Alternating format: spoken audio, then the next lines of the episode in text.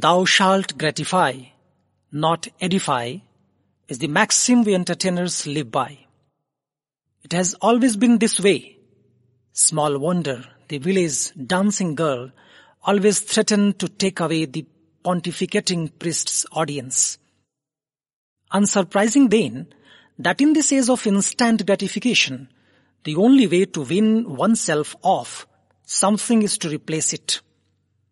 Mother Nature has always lured us mortals into a honey trap of happy copulation by ensuring the act is the zenith of pleasurable experience. All this in order that man self perpetuates.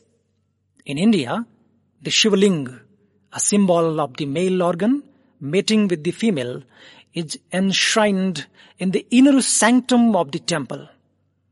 It is a reinforcement of the place given to pleasure in our culture.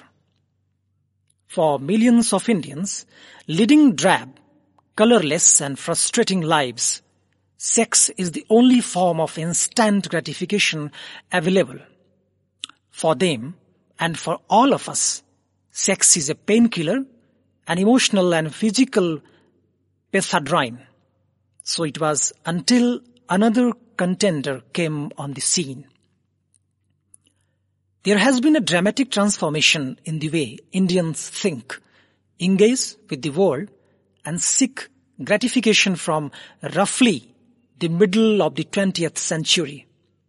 One of the major catalysts of this change has been television, which has gone from a curiosity owned by a privileged few to the country's most dominant force for communication and entertainment reaching millions of homes.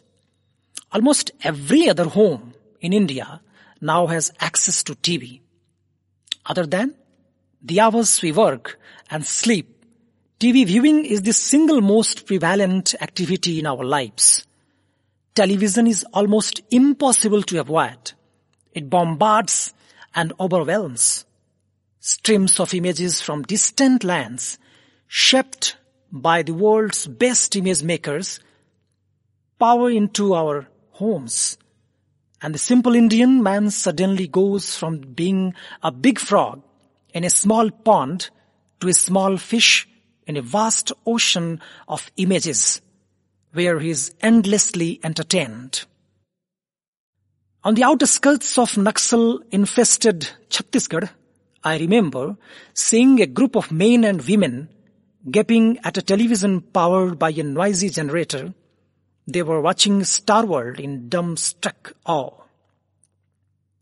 The audiovisual drug was proved to be efficient as a birth control method in our billion plus and still counting nation.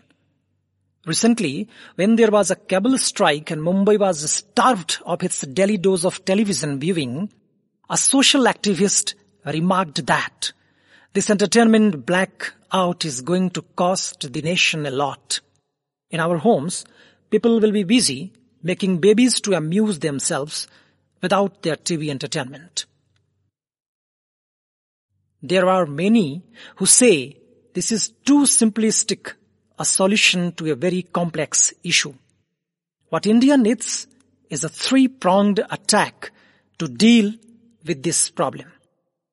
Provide riveting entertainment, which can work as a deterrent or at least delay manufacturing babies.